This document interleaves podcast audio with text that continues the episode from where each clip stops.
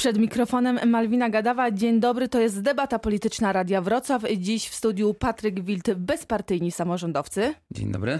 E, Poseł Michał Jaros, Koalicja Obywatelska. Dzień dobry wszystkim. Oraz senator Jarosław Obremski, Prawo i Sprawiedliwość. No właśnie, panie senatorze, wykorzystując okazję, że jest pan obecny w studiu, gdyby pan zechciał wyjaśnić, do której partii panu bliżej, czy do PiSu w końcu zapisał się pan do klubu Prawa i Sprawiedliwości, czy do porozumienia Jarosława Gowina, no z, z którym jest pan kojarzony?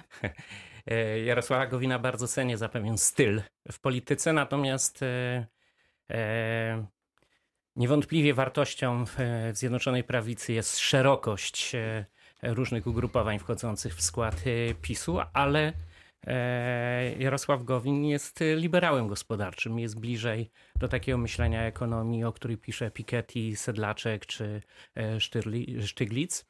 E, Natomiast e, wydaje mi się, że też w kwestiach światopoglądowych jestem bardziej ortodoksyjny niż e, Jarosław Gowin, więc na pewno Czyli nie porozumienie. Czyli PiS. Tak, dużo, dużo bardziej. Panie senatorze, korzystając, y, że jest pan już y, przy głosie, proszę powiedzieć, y, czy w tym tygodniu poznamy nazwisko wojewody, a pytam się akurat pana, ponieważ pan jest wymieniany jako główny kandydat do tego stanowiska. Wiceprezes Adam Lipiński w ubiegłym tygodniu mówił, że decyzja będzie w ciągu kilku dni. Czy pan już zna decyzję? Nie znam decyzji i, nie udzielę odpowiedzi, pani redaktor. No jest to decyzja premiera i to on będzie tą decyzję siłą rzeczy podejmował. Musimy na to poczekać. Czekamy także na Pawła Gancarza z Polskiego Stronnictwa Ludowego. Utknął y, w korku, a my zacznijmy od tematu, który nie jest tematem stricte politycznym, ale niezwykle ważnym. W sobotę we Wrocławiu samochód staranował przystanek autobusowy. Kierowca był kompletnie pijany i jak się okazuje, nie pierwszy raz prowadził pod y, wpływem alkoholu, bo już wcześniej właśnie przez to stracił prawo jazdy. Takich przypadków w naszym kraju jest więcej. Jak z nimi walczyć? Czy to już jest plaga, czy nasze prawo jest nieskuteczne? Pytanie do Patryka Wilda. Myślę, że nasze prawo, jeżeli chodzi o e, przestępstwa drogowe, jest z całą pewnością e, nieskuteczne, nie tylko prawo. E, Mamy też e, nieodpowiednią infrastrukturę i dlatego e, Polska jest jednym z europejskich liderów, jeżeli chodzi o liczbę osób zabitych na drogach. Rocznie jest to około 3000 osób. To jest statystyka wojenna. Ja przypomnę, że w czasie wojny w Donbasie, która trwa już od e, kilku lat, tam w sumie zginęło 13 tysięcy osób, e, większość to wojskowi. E, U nas na drogach tyle osób ginie w 4 lata, w związku z czym wojna w Donbasie trwa dłużej. W związku z czym no, to, to jest coś, z czym musimy zrobić. Nie jestem przekonany, czy akurat e, główny problem, to oczywiście jest to problem, ale nie wiem, czy główny na drogach to są e, ofiary pijanych kierowców. Nie chcę przez to powiedzieć, że nie należy z tą plagą walczyć, bo oczywiście walczyć należy z nią bardzo bezwzględnie. Natomiast e, wydaje mi się, że największym problemem e, to są e, z jednej strony kierowcy nieprzestrzegający przepisów, którzy równie często albo częściej nawet są trzeźwi, tylko po prostu jadą dużo za szybko. E, I e, czy, czy wykonują inne manewry, które w danym momencie są groźne, niebezpieczne i, i zabronione.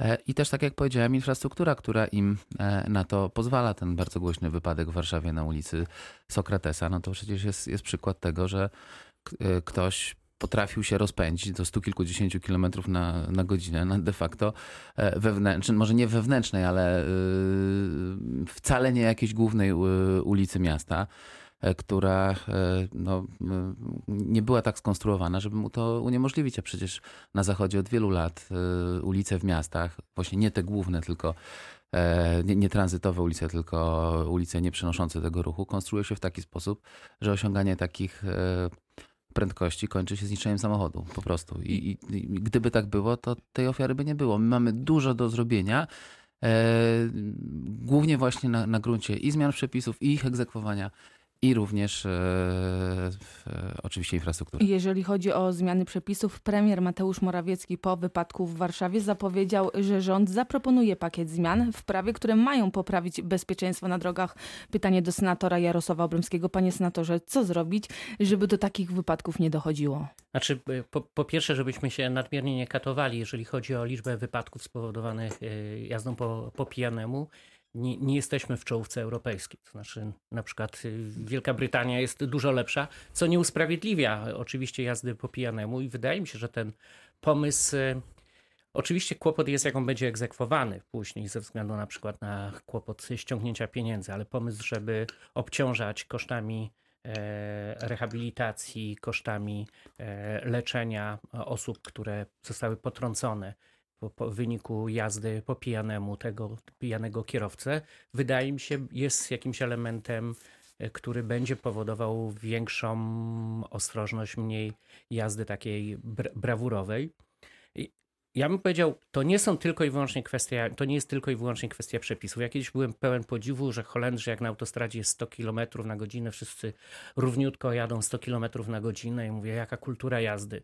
Holender mi tłumaczył, żadna kultura jazdy, tylko po prostu nieuchronność kary. I jeżeli jest bardzo daleko idąca pewność, że zostanę złapany na, złapaniu, na złamaniu przepisów, to według mnie będziemy mieli do czynienia e, z poprawą bezpieczeństwa. Tutaj musimy chyba oprócz zmiany przepisów zainwestować w policję. Pytanie do posła Michała Jarosa. No właśnie, panie pośle, y, bardziej surowe kary czy nieuchronność kary? Y, co przestraszy kierowców?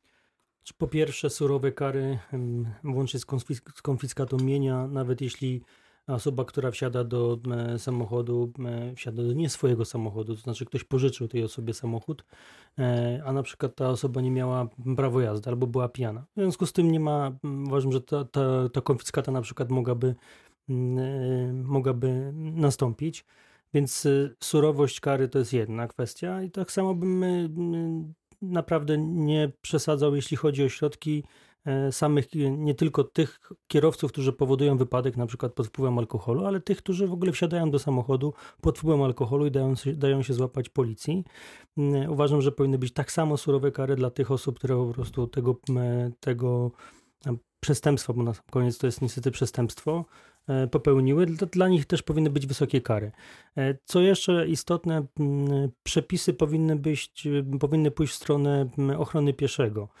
Mianowicie, ja już wielokrotnie mówiłem o tym i konsultowałem projekt ustawy, który daje pierwszeństwo pieszemu, który e, czeka przed przejściem dla pieszych i, i kierowca powinien się zatrzymać przed tym, przed tym, e, przed pasami, jeżeli widzi, że taka osoba chce wejść na, na pasy. To jest oczywiście mm, wieloletni proces, powinniśmy do tego dochodzić. Zmiany nie powinny w tym obszarze wchodzić bardzo szybko. Powinniśmy przyzwyczaić się, edukować kierowców, pieszych. E, mówię oczywiście o dużych ośrodkach, bo mm, zupełnie inna sytuacja jest e, na drogach e, poza dużymi miastami.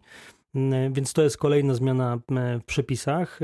No i szanowni państwo, no, kwestia edukacji. No, nie wsiadamy pod wpływem alkoholu. E, i uważamy na wszystkich tych, którzy korzystają z e, drogi. Nie ale tylko nie to są, nie tylko to są piesi, ale również rowerzyści. Proszę? Nie ma pan wrażenia, że edukacja nie pomaga, jak widać? Znaczy, uważam, że w takim razie jest za słaba. Edukacja powinna dotyczyć nie tylko pieszych, którzy wychodzą e, na ulicę. Mam na myśli oczywiście dzieci, które w szkole uczą się przepisów ruchu drogowego.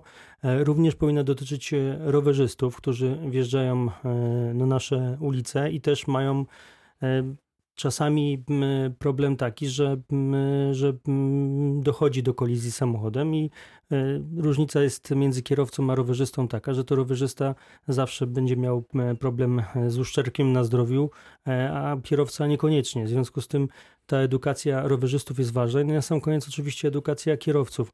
A już e, pijani kierowcy to jest plaga, z którą powinniśmy walczyć surowymi karami, niezależnie od tego, czy dojdzie do przestępstwa, czy dojdzie do kolizji, czy dojdzie do wypadku, czy nie. Jeżeli ktoś wsiada do samochodu pod wpływem alkoholu, to jest to naganne, to powinno być piętnowane i to powinno być e, obarczone wysokimi karami finansowymi.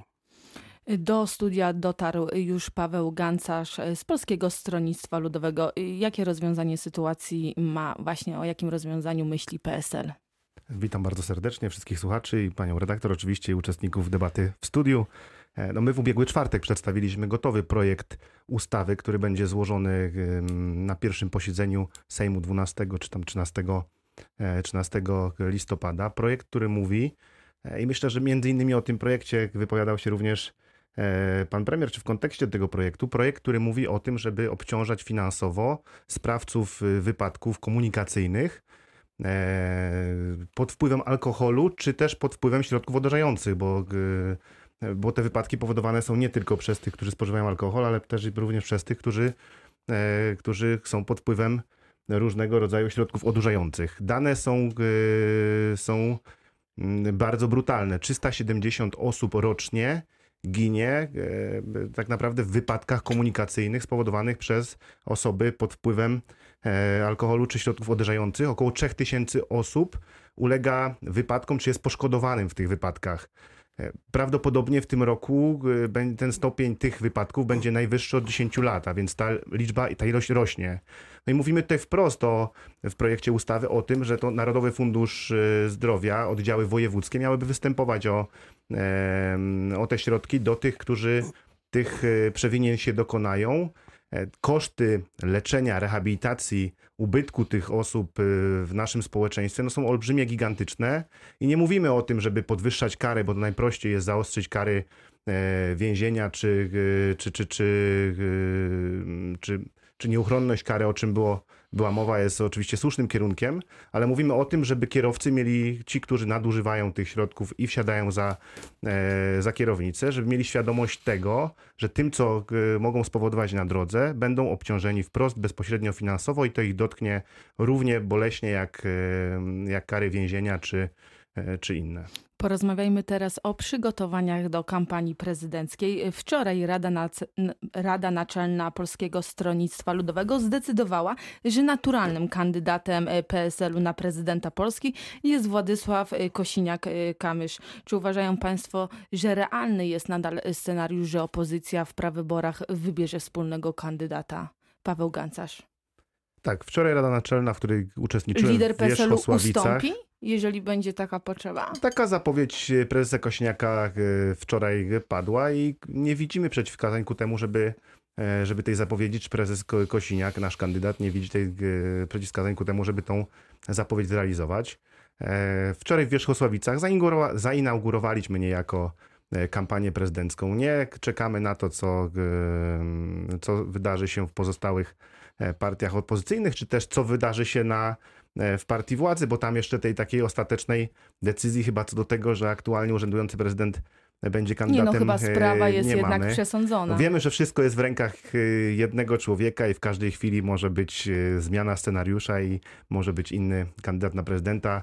Nieraz takie zwroty akcji mieliśmy okazję obserwować w ostatnich latach, kiedy, kiedy machano palcem aktualnie urzędującemu prezydentowi. My podjęliśmy taką decyzję jednogłośnie. E, mamy swojego naturalnego lidera, który, e, który prowadzi stronnictwo od czterech lat. W wyborach... Panie przewodniczący, a dlaczego Władysław Kosiniak-Kamysz według państwa jest dobrym kandydatem na prezydenta? Jest liderem Polskiego Stronnictwa Ludowego. Ma bogate doświadczenie pomimo e, parlamentarne i w sprawowaniu władzy. Był przez wiele lat ministrem. E, jest y, człowiekiem, który szuka konsensusu, który jest, y, jest człowiekiem, który mm, może być samodzielnym prezydentem, takim, który postawi w potrafi w trudnych sytuacjach też powiedzieć sprzeciw czy nie. E, chociażby ostatnia sytuacja z y, okresu przed wyborami parlamentarnymi, kiedy to Władysław Kośniak-Kamysz no, sprzeciwił się niejako liderowi największej formacji i nie podjęliśmy współpracy na czas wyborów parlamentarnych. Także może to być prezydent niezależny, rozsądny, racjonalny, który nawet już ma taką, można powiedzieć, e, pozytywną cechę i przywarę, że e, apeluje do porozumienia, apeluje, mówi o braterstwie, mówi o tym, że Polaków trzeba łączyć, a nie dzielić. I w naszej ocenie takiego właśnie prezydenta E, potrzebujemy. Jest to jedyny lider partii politycznych, opozycyjnych, który tak naprawdę na poważnie wziął udział w debatach e, w trakcie wyborów parlamentarnych, który e, składając swoje deklaracje, Pytanie- e, składa je jako lider, a nie jako osoba. Pytanie do posła Michała Jarosa. rzędu. Przekonał y, pana przewodniczący Gancarz? Przede wszystkim przekonał mnie pan Kosiniak-Kamysz przed wyborami jako pierwszy rozrywając wielką koalicję, słuchając politologów, którzy uważali, że rozbita opozycja jest w stanie wygrać z PiSem. Wygrała No, o milion się- więcej głosów niż PiS. Tak, okazało się, że niestety mówiliśmy od samego początku, e, trzeba pamiętać o realiach polityki. Polityka to również e, system liczenia e, w Polsce, system liczenia głosów systemem Donta. W związku z tym e, tylko te silne formacje polityczne mają szansę na zwycięstwo i tak się okazało, że PiS ma 235 głosów. Czyli to lider ludowców jest winny temu, że PiS rządzi Nikt o tym- samodzielnie? Nikt o tym dzień po wyborach nie wspominał, ale to on rozpoczął rozbijanie opozycji. Natomiast jeśli chodzi o, jeśli chodzi o wybory prezydenckie, to oczywiście my m, przymierzamy się do wyborów prezydenckich. Chociażby na Dolnym Śląsku to powierzenie funkcji sekretarza regionu mojej osobie jest taką zapowiedzią e, przygotowania e, struktur do wyborów prezydenckich. Analizujemy w tej chwili nie, nie tylko wyniki wyborów e, po powiatach, ale również po gminach, włącznie z Ale zaangażowaniem jaką liderów decyzję podejmie Koalicja Obywatelska i kiedy, co jest istotne? Kiedy Koalicja Obywatelska wskaże kandydata na prezydenta? Mam, pani redaktor, ja nie jestem członkiem zarządu krajowego, natomiast na tej decyzji podejmuje zarząd krajowy, jestem członkiem Rady Krajowej i tutaj na pewno będzie decyzja do końca roku podjęta w sprawie wyboru kandydata. Wierzę, że opcja prawyborów y, to jest taka ciekawa formuła dla Platformy Obywatelskiej i również dla e, środowiska Koalicji Obywatelskiej, tak żeby znaleźć optymalnego kandydata bądź kandydatkę na prezydenta, który wystartuje i mam nadzieję w drugiej turze zmierzy się z Andrzejem Dudą zwycięsko, bo wtedy, no, wtedy na pewno dojdzie do zjednoczenia opozycji. Wierzę w to głęboko, że w drugiej turze e, zwyciężymy, a my musimy wybrać takiego kandydata bądź kandydatkę, który jest w stanie wygrać się z Andrzejem Dudą. Wierzę w to, że taką formułę znajdziemy. Kampania przed nami, ale pamiętajmy o tym, że e, żeby zdecydować się o e, kandydacie, to powinniśmy zrobić najpóźniej przed końcem roku. Y, Czas jest nieubłagany. Musimy zakończyć pierwszą część debaty politycznej. Wracamy tuż po przerwie i wtedy też porozmawiamy między innymi o tym, czy realny scenariusz y, jest taki, że to Donald Tusk będzie kandydatem, wspólnym kandydatem opozycji na prezydenta Polski.